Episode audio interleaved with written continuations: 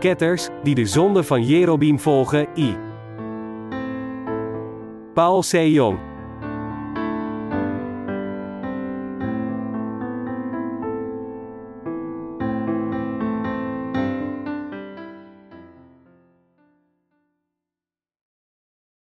Wie zijn ketters voor God?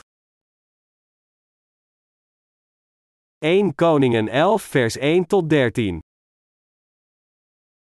En de koning Salomo had veel vreemde vrouwen lief, en dat benevens de dochter van Farao, Mobietische, Ammonietische, Edomietische, Sidonische, Hethietische, van die volken, waarvan de Heere gezegd had tot de kinderen Israëls, Gijlieden zult tot hen niet ingaan, en zij zullen tot u niet inkomen, zij zouden zekerlijk uw hart achter hun goden neigen. Aan deze hing Salomo met liefde.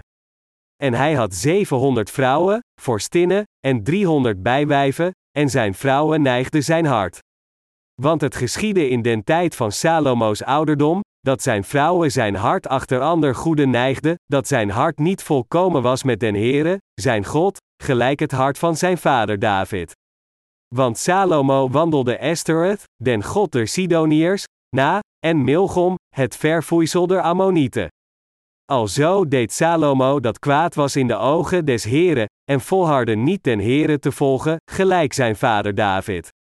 Toen bouwde Salomo een hoogte voor Kamos, het vervoeisel der Mobieten, op den berg, die voor Jeruzalem is, en voor Molech, het vervoeisel der kinderen Emmens. En alzo deed hij voor al zijn vreemde vrouwen, die haar goden rookten en offerden.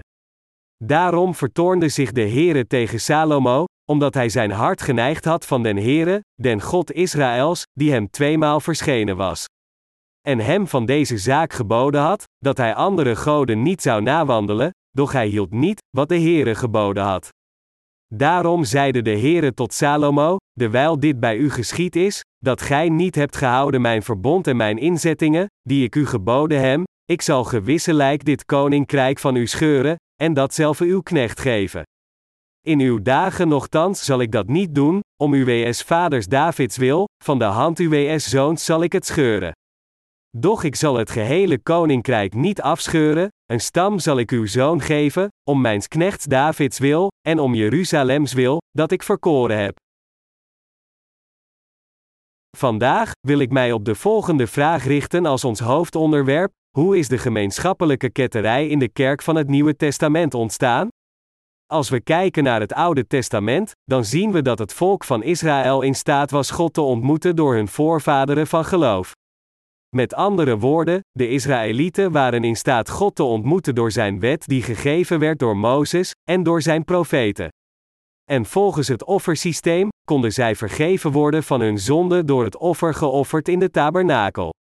Daarom, de liefde van God en zijn zaligmaking van de vergeving van zonde, die geopenbaard werd door de tabernakel en het offersysteem, waren zeer belangrijk van hen, de onmisbare waarheid vormend dat zij onfeilbaar moesten geloven in en gehoorzamen aan om het eeuwige leven en de zaligmaking te verkrijgen. Als zondanig, voor het volk van Israël, was het offersysteem, geopenbaard in het systeem van de tabernakel en gevormd voor hun zaligmaking, zo kostbaar als het leven zelf.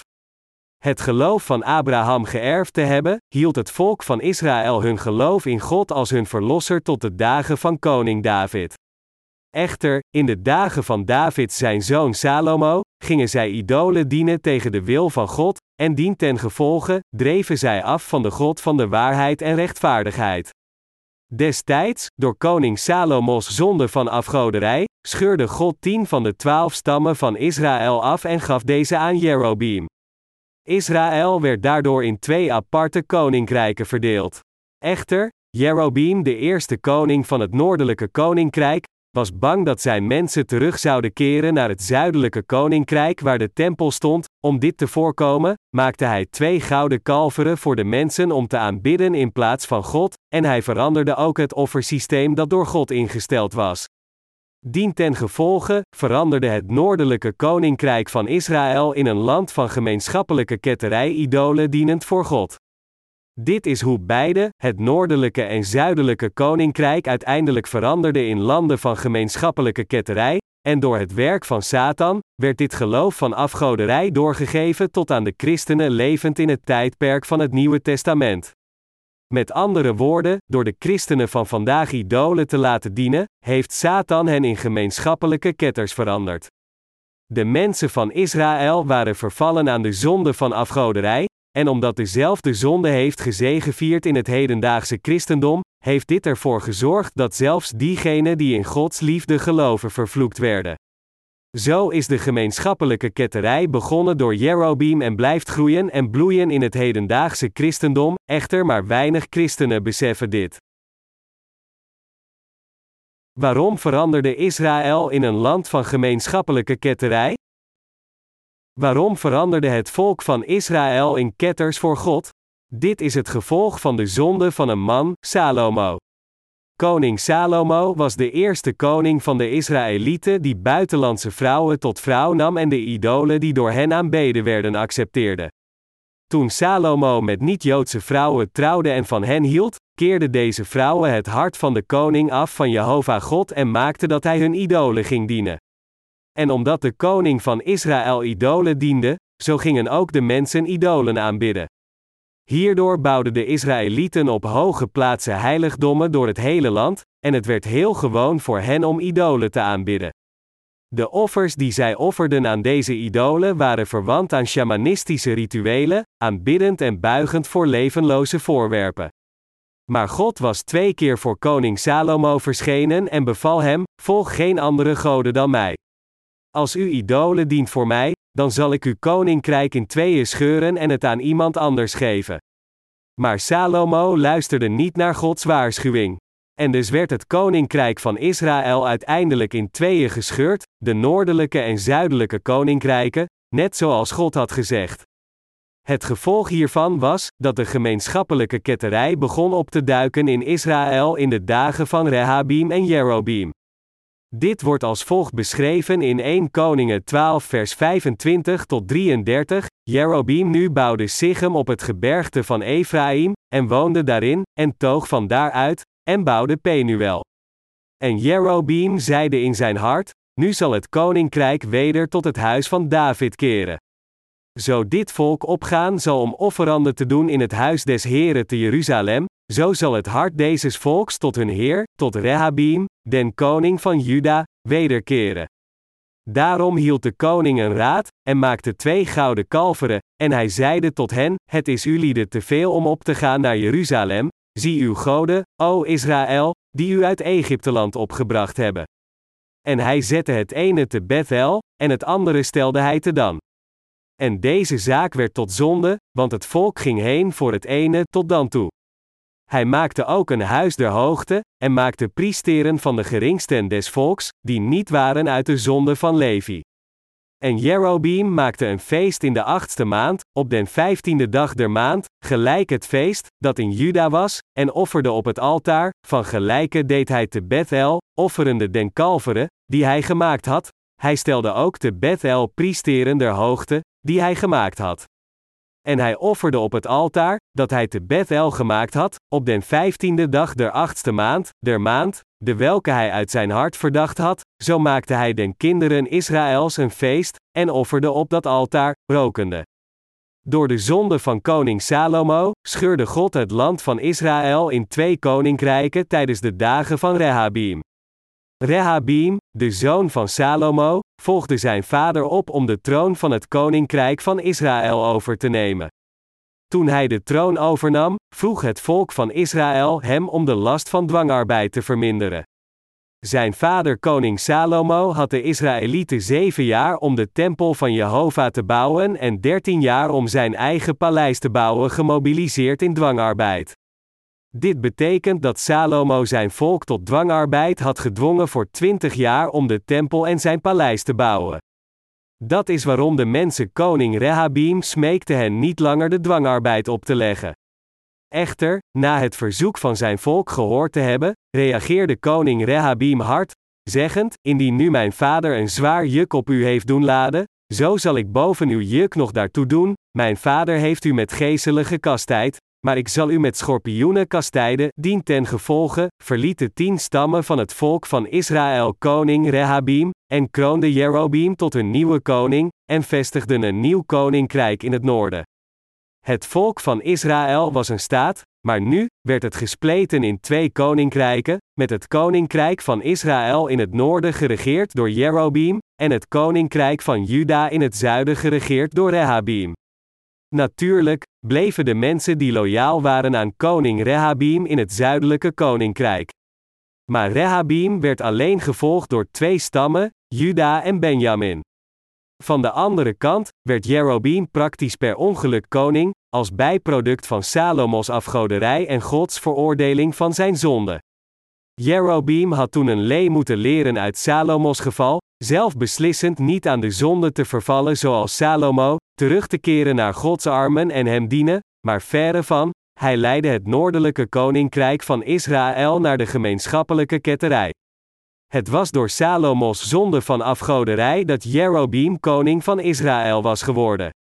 Dit had hem als een waarschuwing moeten dienen, maar in plaats daarvan was hij nu geobsedeerd met zijn eigen egoïstische verlangens om zijn macht te houden, zijn eer te verdedigen en zijn troon te beschermen. Toen de grote verzoendag, de tiende dag van de zevende maand naderde, dacht hij bij zichzelf dat de mensen naar het noordelijke koninkrijk zouden gaan om in Jeruzalem offers te offeren, en dan zouden overlopen naar de koning van het zuidelijk koninkrijk. Hij maakte zich zorgen, denkend, zouden de mensen van Israël terugkeren naar koning Rehabeam in het zuiden en mij doden. Dus bedacht hij uiteindelijk een slecht plan die zijn zorgen zou verdrijven. Zijn oplossing was God te vervangen met gouden kalveren. Hij dacht, dan kan ik bevrijd worden van de God gevestigde wet, en mijn volk hoeft niet meer naar Jeruzalem te gaan. In plaats van te geloven in de God van Israël volgens zijn wet, moet ik gewoon een andere religie maken die idolen aanbidt. Zou het volk van Israël mij dan als hun enige koning dienen? Met dit slechte plan in gedachten, maakte hij twee gouden kalveren. Hij zette er eentje in Betel, en de ander in dan, tegen het volk zeggend: Het is jullie te veel om op te gaan naar Jeruzalem, zie uw goden, o Israël, die u uit Egypteland opgebracht hebben. 1 Koningen 12 vers 28 tot 29. Jerobeam veranderde ook de grote verzoendag, de datum veranderend naar de vijftiende dag van de achtste maand. Oorspronkelijk was het offer van de grote verzoendag gezet op de tiende dag van de zevende maand. Het was volle maan op de vijftiende dag van de achtste maand, en op dat moment liet hij het volk van Israël denken dat de gouden kalveren hun God was en offerde aan hen.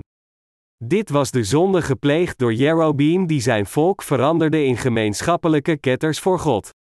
Hij veranderde niet alleen Gods offersysteem en feesten, maar hij veranderde zelfs de statuten voor de kwalificatie van het priesterschap, 1 Koningen 12 vers 31 tot 33. Zo stond Jerobeam in de voorhoede van afgoderij.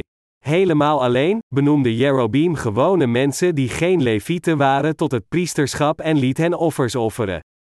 Oorspronkelijk konden alleen de levieten voor God priesters worden, en alleen de afstammelingen van Aaron konden hoge priesters worden, maar koning Jerobeam benoemde iedereen tot priester die dat wilde worden, zelfs onder de gewone mensen. Dus had koning Jerobeam alles helemaal alleen veranderd. De Bijbel zegt dat hij hierdoor het hoofd van alle ketters werd. Het is vanaf hier dat de gemeenschappelijke ketterij opdook in de tijd van het Oude Testament, en deze traditie is doorgegaan in de kerk van het Nieuwe Testament, onnoemelijke schade toebrengend aan het hedendaagse christendom. Lang voor dit was Kain individueel veranderd in een ketter omdat hij zelf niet geloofde in het woord van God, maar nu werd het hele volk van Israël veranderd in gemeenschappelijke ketterij. Dit komt door Salomo en Jerobeam dat de mensen van Israël uiteindelijk veranderen in een volk van afgoderij. Deze passage in 1 Koningen geeft ons het antwoord op de vraag waarom het hedendaagse christendom is verminderd tot niets meer dan een religieus lichaam van gemeenschappelijke ketterij. In het Oude Testament was het Jerobeam slechte plan waardoor het volk van Israël tot een gemeenschappelijk val tot ketterij leidde. Net zo, in het hedendaagse christendom, is het door het werk van Satan en de egoïstische verlangens van christelijke kerkleiders dat zelfs diegenen die geloven in Jezus vervallen zijn aan gemeenschappelijke ketterij. De hedendaagse christelijke predikanten willen zoveel mensen als mogelijk in hun schoot trekken, maar omdat zij gewone aanbidding als niet genoeg beschouwen om mensen in hun kerken te lokken, hebben zij slechte plannen bedacht. Deze kwade lissen van het vlees leggen onder andere de nadruk op mystieke geschenken die alleen materiële voordelen onderstrepen. Bewerend, als iemand in Jezus gelooft, zijn al zijn materiële zegeningen, de gezondheid van zijn lichaam en het geluk van zijn familie gegarandeerd. Dergelijke lissen worden alleen gebruikt als een werktuig om het ledenaantal te vergroten. Dus, misleid door deze honingzoete preken, begonnen de mensen van de wereld massaal naar het christendom te trekken. En de kerkgebouwen werden groter en groter. De uiterlijke verschijning van het christendom heeft een grote opleving ervaren, maar de binnenkant is veranderd in ketterij, resulterend in afgoderij waarbij de aanhangers gouden kalveren dienen als hun heer. Daarom moeten de hedendaagse leiders zich dit feit realiseren: dat zij nu gouden kalveren dienen, en zo spoedig mogelijk in de rechtvaardigheid van God komen door te geloven in de evangelische waarheid van het water en de geest. Het christendom in het huidige tijdperk moet zich bekeren, want het is veranderd in gemeenschappelijke ketterij gouden kalveren aanbiddend voor God. Om de oorzaak te vinden dat uitlegt waarom de gemeenschappelijke ketterij opdook in het hedendaagse christendom, is het nuttig te onderzoeken hoe Jerobeam tot het plegen van zijn zonde van afgoderij kwam. Door te kijken naar zijn zonde, kunnen we ons beseffen waarom de ketterij verrees, en ook duidelijk begrijpen waarom in dit tijdperk het christendom is gereduceerd tot gemeenschappelijke ketterij dat gouden kalveren aanbidt. Om iedereen van de zonde en gemeenschappelijke ketterij te redden, stuurde God zijn Zoon Jezus Christus naar deze aarde. De naam van de Zoon van God is Jezus Christus. Jezus werd op deze aarde geboren geïncarneerd in het vlees door het lichaam van de maagd Maria, en toen hij 30 jaar werd, werd hij gedoopt door Johannes de Doper in de rivier de Jordaan. Dit doopsel dat hij ontving van Johannes de Doper was om al de zonde van de wereld op zich te nemen. Door een dergelijke methode, dat wil zeggen door te worden gedoopt door Johannes de Doper, schouderde de Heer de zonde van het hele menselijke ras in deze wereld en waste hen helemaal weg. Toen Jezus gedoopt werd door Johannes, werden al onze menselijke zonden aan Jezus doorgegeven, en daarom, het is door dit doopsel van Jezus en zijn bloed aan het kruis dat onze zonden werden weggewassen. Iedere christen en ieder menselijk wezen moet zich dit evangelie van waarheid van het water en de geest realiseren. Het is door in deze waarheid te geloven dat men bevrijd kan worden van al zijn zonden. Daarom moeten iedereen weten en geloven in Jezus Christus als zijn Verlosser, die is gekomen door het evangelie van het water en de geest. Dit is absoluut noodzakelijk. Voor drie jaar getuigde Jezus over zichzelf als de Verlosser, en hij werd uiteindelijk gekruisigd om zijn bloed tot de dood te vergieten. Maar hij verrees weer van de dood op de derde dag, en hij heeft daarmee iedere christen en het hele menselijke ras tot de perfectie gered. Jezus Christus is onze ware Verlosser. God de Vader wilde de mensheid rechtvaardig redden door zijn Zoon naar deze aarde te sturen, en het is in overeenstemming met deze wil dat Jezus ons met de evangelische waarheid van het water en de geest heeft gered. Met andere woorden, de Heer heeft ons gered door het evangelie van het water en de geest. Dat is waarom er in 1 Johannes 5 vers 4 tot 8 geschreven staat, want al wat uit God geboren is, overwint de wereld, en dit is de overwinning, die de wereld overwint, namelijk ons geloof. Wie is het, die de wereld overwint, dan die gelooft, dat Jezus is de Zoon van God? Deze is het, die gekomen is door water en bloed, namelijk Jezus, de Christus, niet door het water alleen, maar door het water en het bloed. En de Geest is het, die getuigt, dat de Geest de waarheid is. Want drie zijn er, die getuigen in den hemel, de Vader, het Woord en de Heilige Geest, en deze drie zijn één. En drie zijn er, die getuigen op de aarde, de geest, en het water, en het bloed, en die drie zijn tot één. Deze passage betekent dat God de Vader de mensheid van zijn zonde heeft gered door zijn Zoon naar deze aarde te sturen, dat wil zeggen, door het water, het bloed en de geest. Anders gezegd, De Heer werd op deze aarde geboren om ons van al onze zonden, vernietiging, vloeken te redden, en het is omdat Hij de zonde van deze wereld en onze zonde schouderde door te worden gedoopt door Johannes de Doper, en omdat Hij heel het loon van deze zonden afbetaalde door te worden gekruisigd en zijn bloed te vergieten, dat iemand die gelooft in deze waarheid nu gereinigd wordt van al zijn zonden door dit geloof. De veroordeling van onze zonden is al volbracht, want Jezus Christus werd gedoopt en vergoot zijn bloed aan het kruis in onze plaats. Om het simpel te zeggen, deze waarheid is de evangelische waarheid van het water, het bloed en de geest. Het is dus door naar deze aarde te komen en de evangelische waarheid van het water en de geest te vestigen dat Jezus ons gered heeft. God heeft iedereen gered van alle zonden die geloven in dit evangelie van waarheid. Deze waarheid, het evangelie van het water en de geest, is van de goddelijke drie-eenheid in zijn compleetheid gekomen. Het was Gods perfecte plan van zaligmaking voor de mensheid om zijn zoon Jezus Christus te sturen, hem de zonde van de wereld op zich te laten nemen door te worden gedoopt door Johannes de Doper en hen uit te wissen. De Heer heeft onze zonden uitgewist met het water en het bloed. Dit is de evangelische waarheid, dat de Heer kwam door het water en het bloed en ons daarmee van de zonde van de wereld heeft gered. Zoals de apostel Petrus in 1 Petrus 3 vers 21 zegt, waarvan het tegenbeeld, de doop, ons nu ook behoudt. Dit betekent dat de Heer ons van al onze zonden heeft gered op deze manier, dat wil zeggen door zijn doopsel. Al de apostelen en de heiligen van de vroege kerk geloofden in het evangelie van het water en de geest.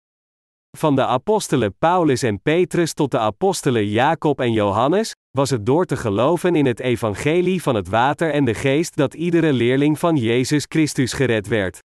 En zij predikten allemaal dit evangelie van het water en de geest aan talloze mensen.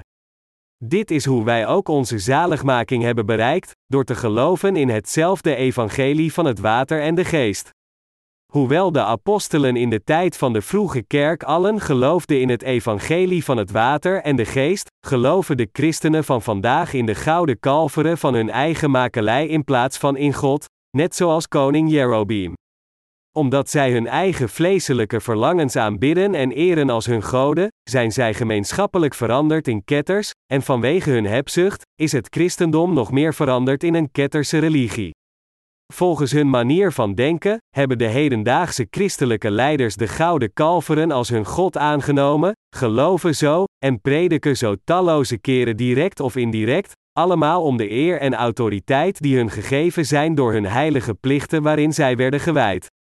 Hoewel er geschreven staat in het woord dat God ons van al de zonden van de wereld voor eens en altijd heeft gered door de evangelische waarheid van het water en de geest, geloven zij niet in dit woord zoals het is, maar in plaats daarvan hebben zij het gewijzigd.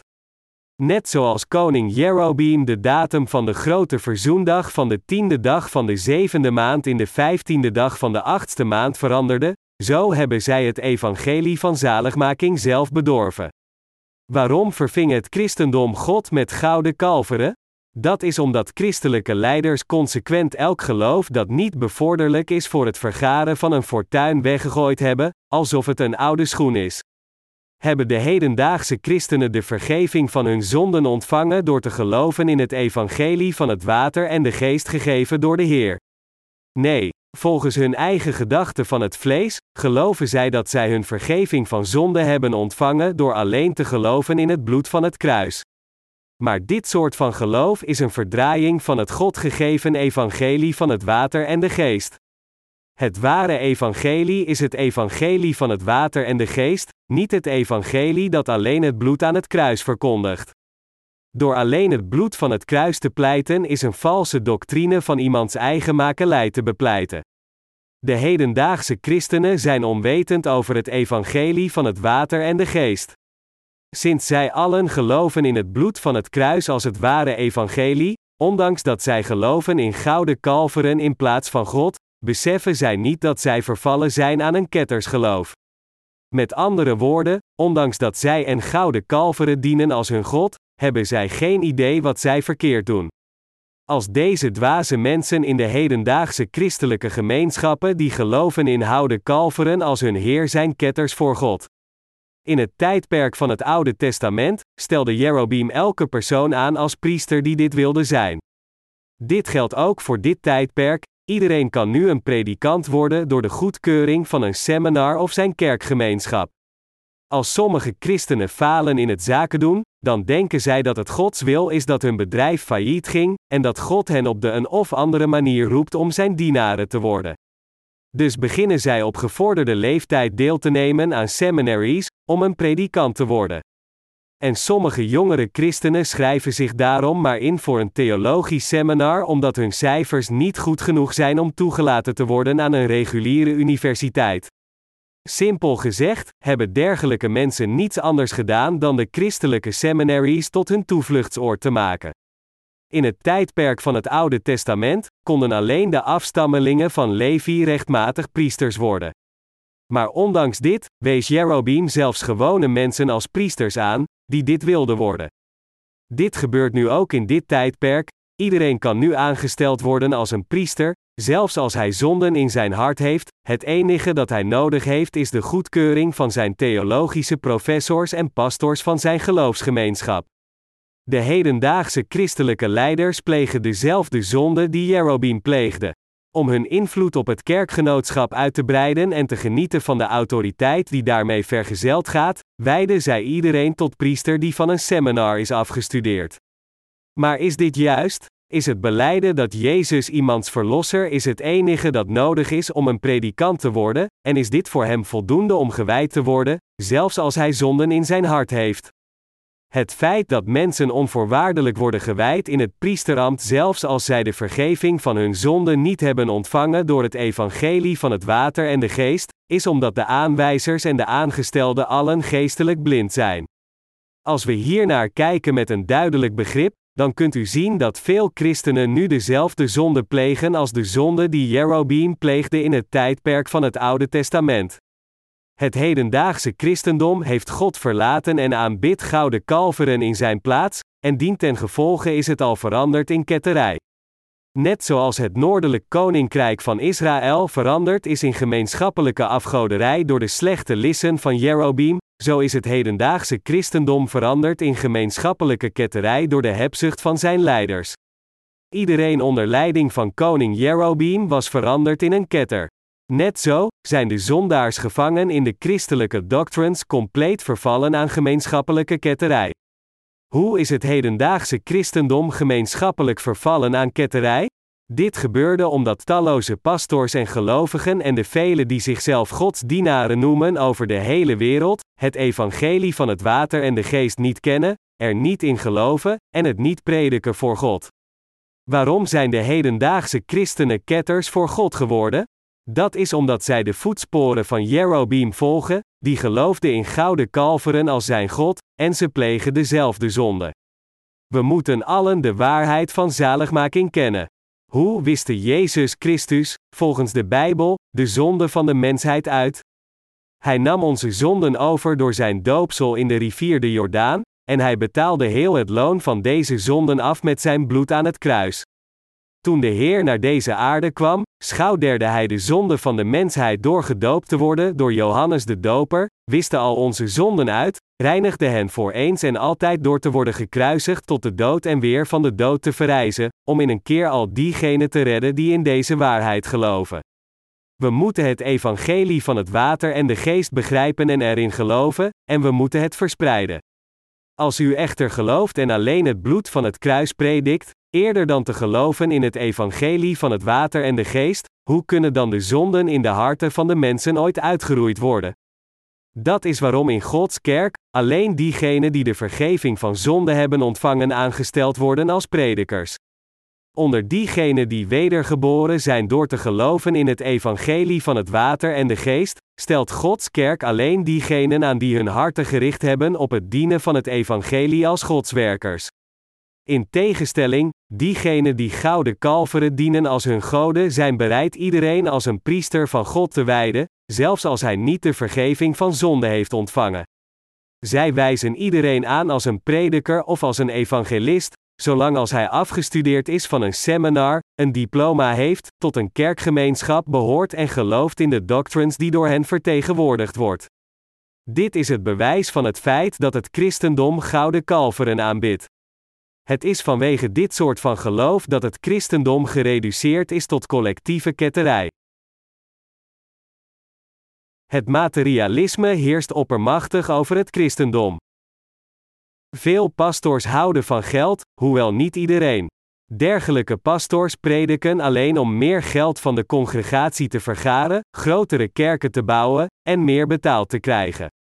Zij beweren, zogenaamd, te prediken om de mensen te leiden te geloven in Jezus en hen naar het koninkrijk van God te brengen, maar in realiteit zijn de vruchten van hun ambt niets meer dan het dienen van gouden kalveren.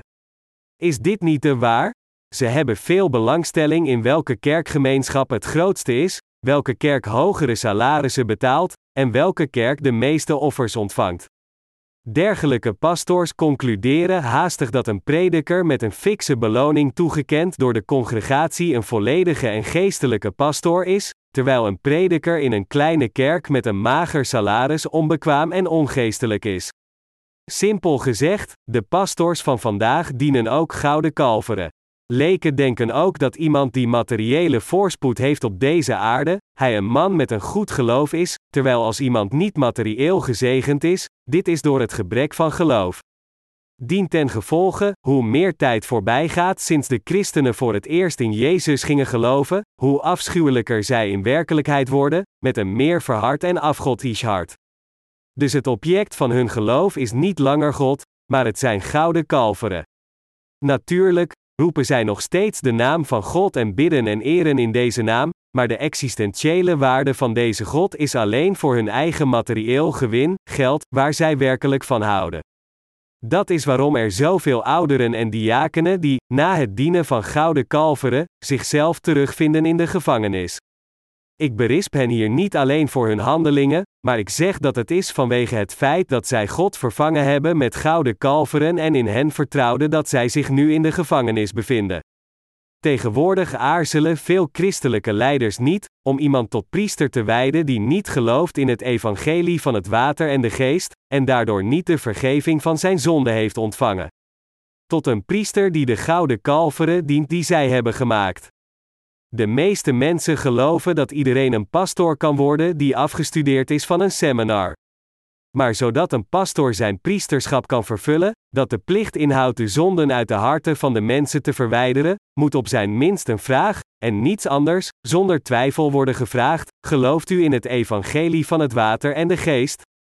Met andere woorden, alleen iemand van wie het hart gereinigd is van al zijn zonden door te geloven in het evangelie van het water en de geest mag als een dienaar van God aangewezen worden. Daarom, van nu af aan, moeten christelijke leiders iedereen die er naar streven als priester toe te treden vragen: Bent u gered? Ja, dat ben ik. Kent u het evangelie van het water en de geest? En bent u echt gereinigd van uw zonden en wedergeboren door te geloven in dit ware evangelie? Professor, ik ken het evangelie van het water en de geest niet. Hoe kunt u dan een pastoor voor God worden? Is het niet om de gouden kalveren van uw eigen makelij te dienen? Dit is niets meer dan uw eigen vleeselijke lust. Het is iets dat voortkwam uit uw wereldlijke verlangens. Net zo, met zorgvuldige onderscheiding, iedereen die niet genoeg gekwalificeerd is mag nooit ingewijd worden tot pastoor. Eerder dan mensen te misleiden tot het dienen van gouden kalveren, moeten we het ware evangelie aan hen prediken, het evangelie van het water en de geest, en hen de vergeving van zonde laten ontvangen. Maar de professors van de seminaries vragen hun studenten niet of zij geloven in de waarheid over het evangelie van het water en de geest. Nog willen zij het getuigenis van zaligmaking van de gelovigen in het evangelie van het water en de geest horen beleidend hoe God onze zonde heeft uitgewist. Als Gods dienaren iemands getuigenis van zaligmaking horen, dan kunnen zij onderscheiden of deze persoon zonden in zijn hart heeft of niet, en of hij wel of niet gouden kalveren dient als zijn God.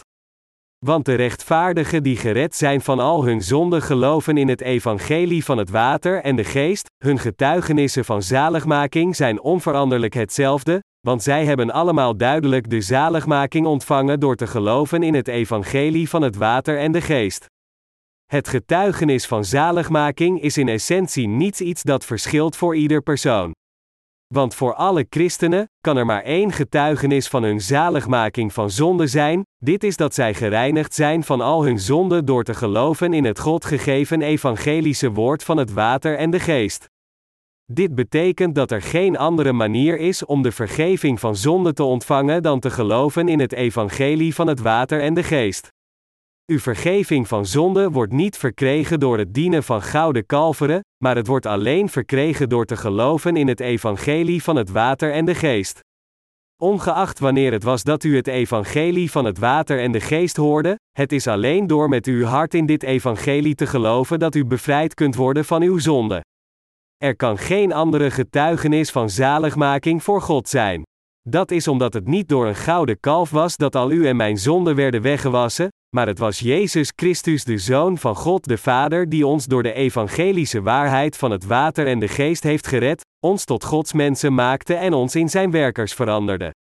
Daarom, gelovend in deze waarheid, God ervoor te bedanken en het getuigenis te dragen is waar het getuigenis van zaligmaking over gaat.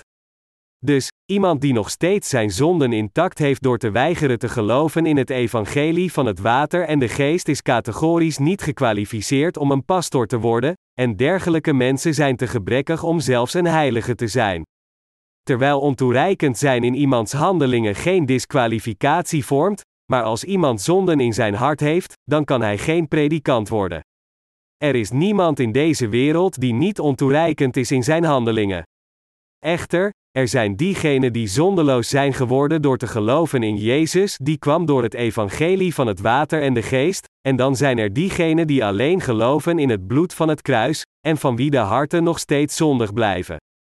Dergelijke mensen die geloven in een vals evangelie, en de zonden in hun harten houden, mogen nooit worden toegestaan om predikanten te worden. Niet alleen is er geen manier voor deze mensen om hun eigen ziel te laten ontsnappen van de vloek, maar zij zullen ook hun congregatie uiteindelijk naar de dood leiden. Dergelijke valse predikanten, die ofwel het evangelie van het water en de geest niet kennen of er niet in geloven zelfs als het kennen, dienen feitelijk gouden kalveren, en dat is hoe zij talloze christenen gemeenschappelijk aan ketterij laten vallen door hun valse doctrines te verspreiden. Ondanks dat de mensen de christelijke doctrines gehoorzamen en alleen in het bloed van het kruis geloven zoals geleerd door het christendom, in werkelijkheid blijven hun harten nog steeds zondig, en zij geloven in werkelijkheid in gouden kalveren eerder dan God oprecht te vrezen. Hedendaagse christenen denken dat zij trouw in God geloven zelfs als zij gouden kalveren aanbidden. Zelfs als zij compleet onwetend over het evangelie van het water en de geest zijn dat de ware zaligmaking brengt, denken zij dat ze gered kunnen worden als zij blindelings in de Heer geloven. Dus, veel pastors denken voor zichzelf dat sinds zij geloven in Jezus, zij gered zijn, ondanks dat zij nog steeds zondig zijn. Echter, het evangelie waar de Bijbel over spreekt is het evangelie van het water en de geest dat de vergeving van zonden in het hart brengt. De Bijbel zegt duidelijk dat men alleen de vergeving van zijn zonden in zijn geweten kan ontvangen als men gelooft in dit evangelie. Als we kijken naar 1 Petrus 3 vers 21, dan staat er geschreven, waarvan het tegenbeeld, de doop, ons nu ook behoudt, niet die een aflegging is der vuiligheid des lichaams, maar die een vraag is van een goed geweten tot God, door de opstanding van Jezus Christus. Er wordt hier gezegd dat het doopsel van Jezus het onfeilbare bewijs van onze zaligmaking is. Dit betekent dat Jezus onze zonde schouderde door te worden gedoopt. Dat de Heer naar deze aarde kwam en ons van onze vernietiging en onze zonde redde is omdat Hij gedoopt werd door Johannes de Doper. Het is omdat de Heer al onze zonde had overgenomen door zijn doopsel dat Hij aan het kruis moest sterven, en daarom dat Hij weer van de dood verrees en in staat was ons te redden. Dat is waarom de apostel Petrus zei, waarvan het tegenbeeld, de doop, ons nu ook behoudt, niet die een aflegging is der vuiligheid des lichaams, maar die een vraag is van een goed geweten tot God, door de opstanding van Jezus Christus, 1 Petrus 3 vers 21. Als er hier gezegd wordt, niet die een aflegging is der vuiligheid des lichaams, dit betekent dat als u de vergeving van uw zonden ontvangt, het niet uw lichaam is dat gereinigd wordt om nooit meer te zondigen, maar het uw geweten is dat gereinigd wordt. Iedereen die gered is, is gebonden God met goede kennis te antwoorden. Als u echt gered wilt worden van uw zonde, dan moet u de vergeving van uw zonden in uw geweten ontvangen. Hebben diegenen die voor God geloven in het evangelie van het water en de geest zonden of niet? Zij hebben geen zonde. Waarom hebben zij geen zonde? Zij hebben geen zonden in hun harten omdat de Heer al hun zonden overnam door gedoopt te worden door Johannes de Doper toen hij naar deze aarde kwam, en daarom werden al hun zonden doorgegeven aan Jezus. Wat mij betreft, ik ben ook gered door geloof, want de Heer accepteerde al mijn zonden door zijn doopsel, droeg hen naar het kruis, vergoot zijn bloed en verrees weer van de dood. Met andere woorden, omdat ik geloof dat de Heer naar deze aarde kwam voor mij, al mijn zonden droeg door te worden gedoopt, te sterven aan het kruis, weer van de dood verrees en mij daarmee gered heeft, is mijn geweten bevrijd geworden van mijn zonden en heb ik mijn ware zaligmaking verkregen. De Bijbel zegt dat ware zaligmaking, het antwoord van een goed geweten naar God, is. Wie gelooft in het evangelie van het water en het bloed kan bevrijd worden van al de zonden in zijn geweten. Ondanks dat ons vlees nog steeds ontoereikend en zwak blijft, zijn onze gewetens gered door geloof. Dat is waarom onze zaligmaking de zaligmaking van de ziel wordt genoemd. Mijn medegelovigen, er is niemand in deze wereld, nee niet een, die geen fouten en zonde pleegt met zijn vlees. Zelfs voor de gelovigen in het evangelie van het water en de geest, is er niemand die geen zonde pleegt. De Bijbel zegt duidelijk dat de zaligmaking niet de verwijdering van het vuil van het vlees is. Denkt u dat uw zaligmaking van zonde bereikt wordt door de verwijdering, voor eens en altijd, van het vuil van uw vlees, zodat uw vlees nooit meer een zonde pleegt? Wilt u gered worden zodat u geheiligd wordt in het vlees? Gelooft u in Jezus als uw verlosser, zodat u wegblijft van uw gebreken, door niet te drinken en niet te roken? Nee, dat is niet de reden waarom u in Jezus gelooft. U gelooft in Jezus omdat u met een goed geweten naar God wilt gaan. De Bijbel spreekt hier over een goed geweten omdat het onze harten zijn die gereinigd zijn van onze zonden, daar de Heer ons gered heeft door het evangelie van het water en de geest. Wij zijn hulpeloos tegenover ons lot, voorbestemd om in de hel te worden gegooid vanwege onze zonde, maar ons Heer heeft ons gered door naar deze aarde te komen, gedoopt te worden door Johannes de Doper en te sterven aan het kruis. Dus in dit licht, niet te geloven in deze waarheid, dat de Heer ons van onze zonde gered heeft door het evangelie van het water en de geest, is het slechte van allemaal. In tegenstelling, als we deze waarheid schuldeloos in onze harten accepteren en erin geloven, en dus onze zaligmaking bereiken, dan wordt ons geweten veranderd in een goed geweten. Aangezien de Heer ons zo perfect heeft gered, als wij hier niet in geloven, is hetzelfde dan ons geweten voor eeuwig slecht te laten blijven. Mijn medegelovigen, het is door te geloven in het evangelie van het water en de geest dat wij van al onze zonden vergeven zijn. Onze lichamen als menselijke wezens zullen wegrotten als we sterven. Echter, als de Heer terugkeert, zal dit lichaam weer verrijzen. Hoewel we op dat moment zullen verrijzen in onvergankelijke lichamen, terwijl we nog steeds leven op deze aarde, kunnen we niet anders dan voortdurend zonde te plegen met ons vlees, want het vlees is nog steeds ontoereikend, ondanks dat we geloven in het evangelie van het water en de geest en de vergeving van zonde hebben ontvangen. Dat is waarom de apostel Petrus zei: niet die een aflegging is der vuiligheid des lichaams. Met andere woorden, dit is wat Petrus zei: het is niet door geen zonde meer met onze lichamen te plegen dat we gered zijn. Want het vlees is zwak, we zijn gebonden zonde te plegen tot de dag van onze dood. Maar dat is irrelevant voor onze zaligmaking. Het zijn onze zielen die gered zijn, zodat wij moedig naar God kunnen gaan met een goed geweten. God heeft al onze zonden uitgewist. Dit is juist. Iemand die zonden in zijn hart heeft kan geen pastor worden, nog een evangelist, nog een diaken, zelfs geen heilige inderdaad, een dergelijk persoon moet nooit worden toegestaan een kerkelijke baan aan te nemen. Iemand van wie het hart zondig is, is iemand die nog steeds zonder Christus is, Romeinen 8 vers 1. Hij is niet iemand die in Christus is gekomen. Dat is waarom dergelijke mensen als eerste gered moeten worden in hun geweten. Onlangs, tijdens een taxiritje, had ik de kans om met de taxichauffeur te praten. De taxichauffeur leek een goede christen, omdat hij een paar evangelische foldertjes in zijn taxi had. Dus zonder te zeggen dat ik een pastor was, vroeg ik hem: Hoe is het met uw geweten? Is het zondeloos? Hij zei tegen mij: Hoe kan iemands geweten vrij van zonde zijn? Maar hij beweerde ook dat hij gered was, ondanks dat hij zonden in zijn hart had, gewoon omdat hij geloofde in Jezus. Dus vroeg ik hem: Hoe werd u gered? De chauffeur citeerde Romeinen 10 vers 10 om aan te tonen dat hij gered was. Romeinen 10 vers 10 zegt het volgende, want met het hart gelooft men ter rechtvaardigheid en met de mond beleidt men ter zaligheid. Echter, deze passage betekent niet wat de chauffeur ervan maakte. Het hele hoofdstuk van Romeinen 10 werd gesproken door de apostel Paulus tegen het volk van Israël. Het volk van Israël was goed op de hoogte van het offersysteem en daarom wisten ze heel goed dat de Messias ter dood veroordeeld moest worden nadat al hun zonden waren doorgegeven door hun vertegenwoordiger door het opleggen van handen op Christus. Dit is waarom een van de dieven die samen met Jezus gekruisigd werden gered konden worden door geloof. Kortom, de Israëlieten hadden de basiskennis hoe gered te worden van hun zonde. De ware betekenis van Romeinen 10 vers 10 is, dat men rechtvaardig en gered wordt van zonden alleen als men gelooft met het hart in de rechtvaardigheid van God dat Jezus vervulde met het evangelie van het water en de geest, en het met de mond beleidt. Omdat iemand gelooft in enkele christelijke doctrines met het hart, betekent niet dat hij gered is zelfs als hij het evangelie van het water en de geest negeert. Mijn medegelovigen, alleen diegenen die gered zijn van hun zonden in hun geweten door te geloven in het evangelie van het water en de geest zijn diegenen die oprecht gered zijn door God. Hoe zit het dan met u?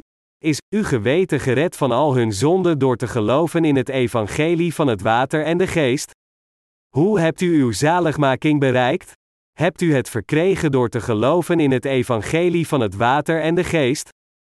Of hebt u het verkregen door uw eigen goddelijke handelingen? U ontving uw zaligmaking door te geloven in het evangelie van het water en de geest. Wat is dit geloof dan? Het is te geloven in de rechtvaardige zaligmaking van de Heer, dat Hij ons van onze zonde heeft gered door naar deze aarde te komen, Zijn doopsel te ontvangen en te worden gekruisigd tot de dood. Dit is het geloof in het evangelie van het water en de geest. Christenen in het tijdperk van de vroege kerk geloofden in het evangelie van het water en de geest en predikten dit evangelie. Het Nieuwe Testament is het woord dat geschreven werd tijdens het tijdperk van de vroege kerk. De gelovigen van de vroege kerk werden gered in hun geweten door te geloven in het evangelie van het water en de geest. Zij hielden hun geloof in dit evangelie zelfs toen zij vervolgd werden. Echter, in 313 NCHR, toen keizer Constantijn I van het Romeinse keizerrijk het edict van Milaan uitgaf en religieuze vrijheid verleende, gingen veel mensen geloven in het christendom. Volgens de historische archieven aanschouwde Constantijn I in 321 NCHR een onvermijdelijk conflict met zijn tegenstander Maxentius in de strijd over het politieke leiderschap. In die tijd hield Maxentius een onbetwistbaar militaire superioriteit over Constantijn I. De nacht voordat deze historische confrontatie plaatsvond, had Constantijn I een visioen, waarin hem verteld werd het teken van de hemelse God, op al de schilden van zijn soldaten te plaatsen voordat hij ten strijde trok. Dus vervolgens deed hij dit, en hij won de strijd. Gekroond als keizer, verenigde hij de Oosterse en Westerse Romeinse keizerrijken, en verleende hij wettelijke erkenning aan het christendom. Deze man, echter, pleegde uiteindelijk dezelfde zonde die Jerobeam pleegde. Als de keizer van Rome, verklaarde hij zichzelf als de heerser van het christendom. Hij riep het eerste concilie van Nicea uit, en was zelf de voorzitter van de conferentie. Hij was niet alleen de heerser over een keizerrijk, maar hij had zichzelf ook uitgeroepen als heerser over het christendom. Dus vanaf dat moment begon het christendom te veranderen in een wereldlijke religie, wat uiteindelijk leidde tot collectieve ketterij. Hoe is het hedendaagse christendom zo kunnen vervallen aan collectieve ketterij? Dat is omdat de leiders gouden kalveren dienden net zoals Jerobeam. Dat is omdat de christelijke leiders God hebben vervangen met hun gouden kalveren dat het hedendaagse christendom veranderd is in een wereldlijke religie die levenloze afgoden aanbidt. In de hedendaagse christelijke gemeenschappen kan iedereen een priester worden door af te studeren van een seminarie en de doctrines van zijn geloofgemeenschap te verdedigen, zelfs als hij niet gelooft in het evangelie van het water en de geest en zelfs als zijn hart niet gereinigd is van zijn zonde. Gewoon door het inschrijven in een seminarie, het collegegeld te betalen en met genoeg titels af te studeren, kan iemand ingewijd worden als een pastor en aan zijn ambt beginnen, ondanks dat zijn hart nog steeds zondig is. Dat is waarom het hedendaagse christendom veranderd is in collectieve ketterij, gouden kalveren aanbiddend. Zelfs als men zonden in zijn hart heeft, als hij de christelijke doctrines met bekwaamheid kan onderwijzen, dan kan hij gemakkelijk een priester-pastor worden.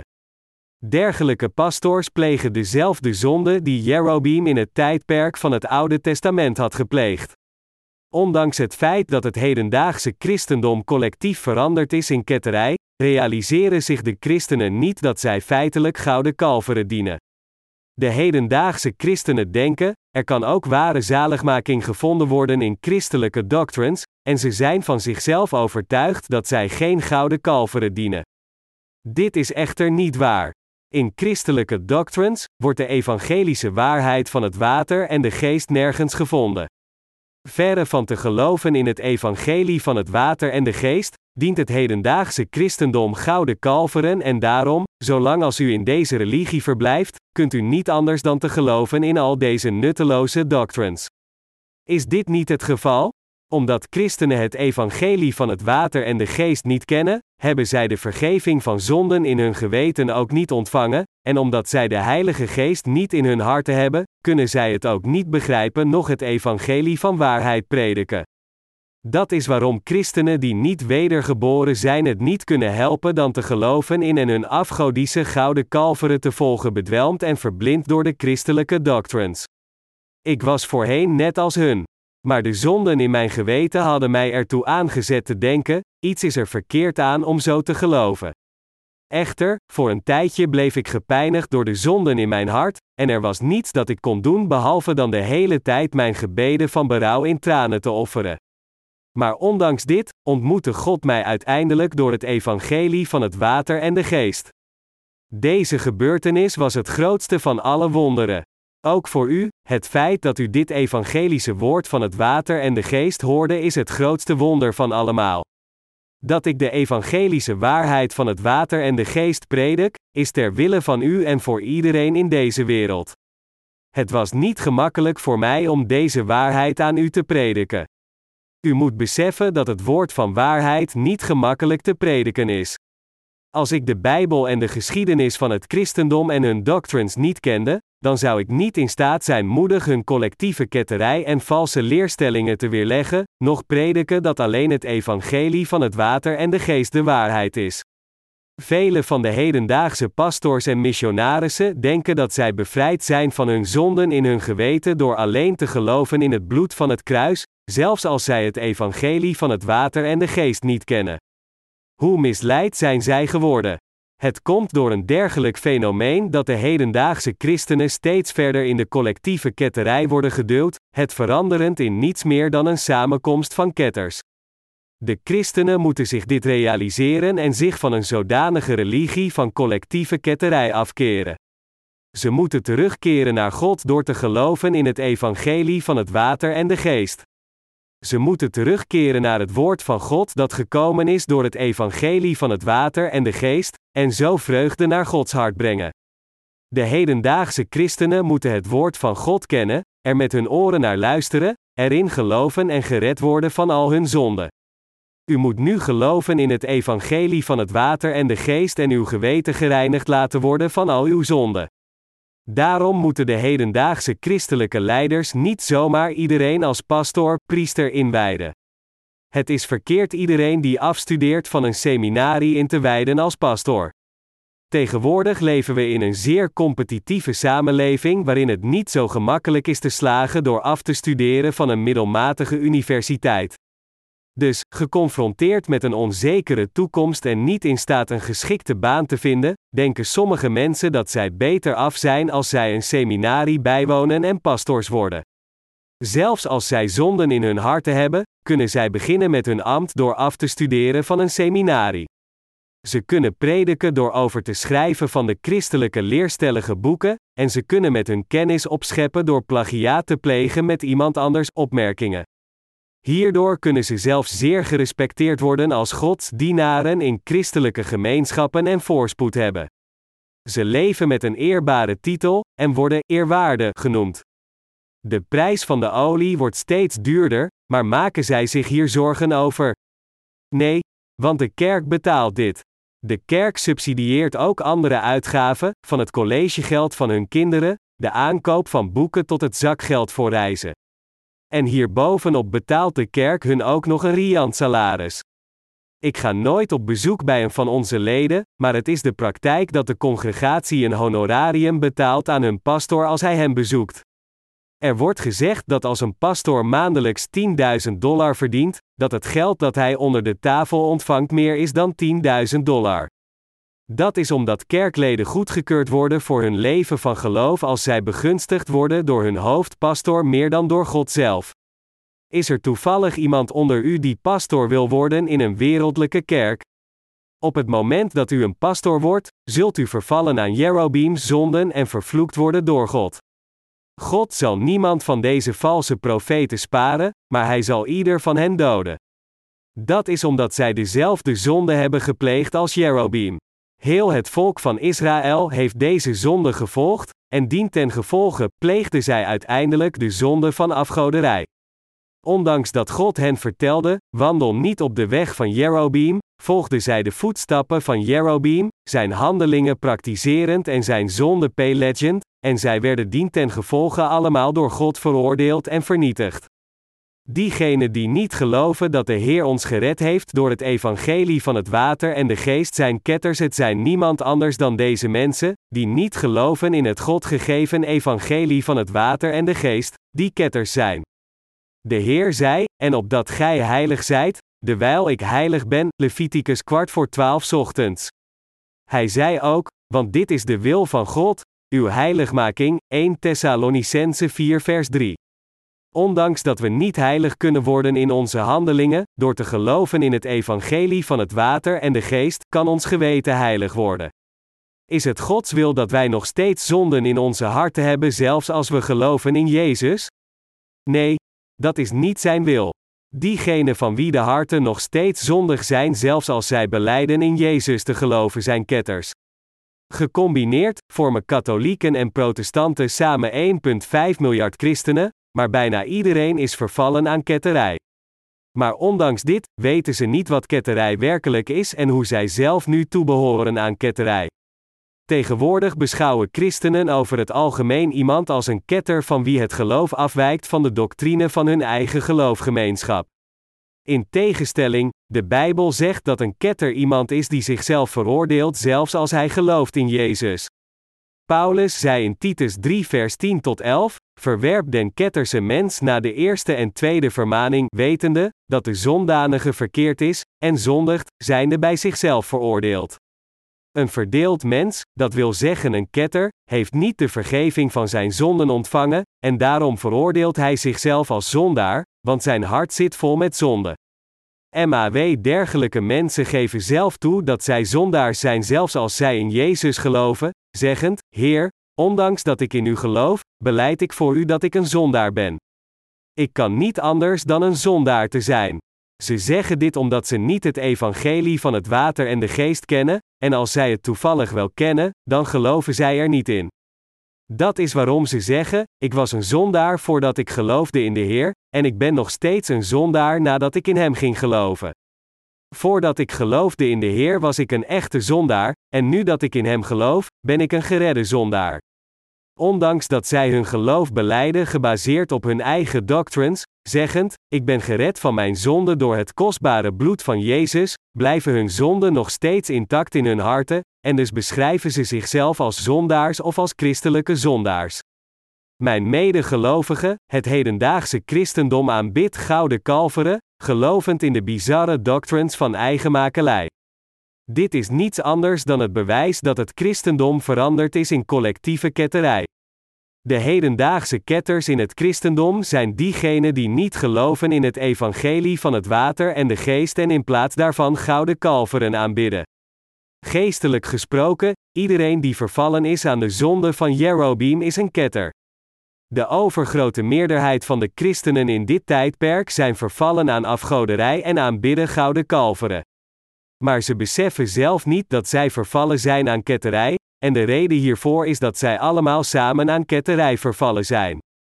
Met andere woorden, omdat bijna alle christenen niet het evangelie van het water en de geest kennen, kunnen zij de ketterij niet onderscheiden, en omdat praktisch alle christenen hun levens van geloof op deze manier leiden zonder de vergeving van zonde te ontvangen, blijven ze trouw aan hun geloof van ketterij, denkend dat wat zij geloven juist is.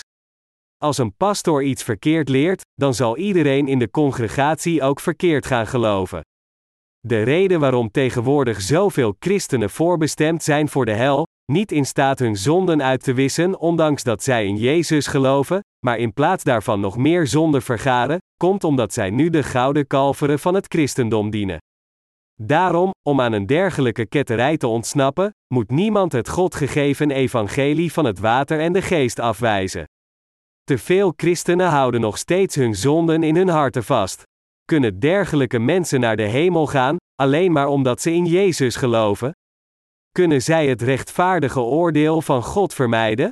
Nee, iemand die zonden in zijn hart heeft, zal in de hel worden gegooid, ongeacht het feit dat hij zichzelf een christen noemt. Als men christenen vraagt: Als u zonde hebt, gaat u dan naar de hemel of naar de hel? Dan zeggen de meeste van hun dat ze naar de hel gaan.